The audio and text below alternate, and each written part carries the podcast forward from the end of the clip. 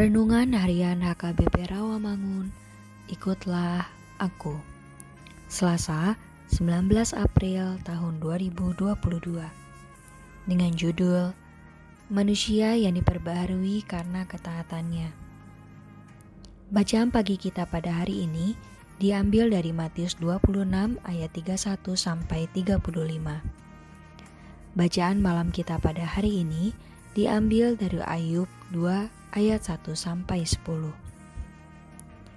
Dan kebenaran firman Tuhan pada hari ini diambil dari Yeskiel 11 ayat 19 yang berbunyi Aku akan memberikan mereka hati yang lain dan roh yang baru di dalam batin mereka.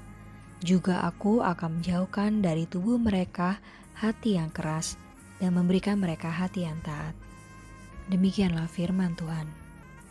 Sahabat ikutlah aku yang dikasih Tuhan Yesus. Orang-orang di Yerusalem mengatakan bahwa Tuhan telah mengirimkan orang buangan ke pembuangan. Dan demikian mengalihkan tanah yang dijanjikan kepada mereka yang tetap tinggal di negeri itu. Ternyata yang terjadi tidaklah demikian. Allah akan menghukum mereka yang tetap tinggal di negeri itu karena kekejian mereka. Sementara orang buangan kelak akan dibebaskan. Seluruh bagian ini termasuk pemberian hati baru dan roh baru kepada umat yang telah dipulihkan kembali. Tampaknya berasal dari periode nubuat pengharapan Yeskiel di kemudian hari. Bagian ini adalah merupakan adanya anugerah dari Tuhan untuk orang-orang yang bertobat. Walaupun Allah murka, namun masih ada anugerah bagi orang yang mau bertobat. Apakah anugerahnya di sini? Allah akan memberi roh yang baru kepada mereka, dan ini adalah kelahiran baru. Dari sini kita mengetahui bahwa kebenaran tentang lahir baru sudah ada di Perjanjian Lama, bukan dimulai dari Perjanjian Baru. Allah memberi roh yang baru, berarti mereka baru bisa melakukan perintah Allah dan mentaatinya.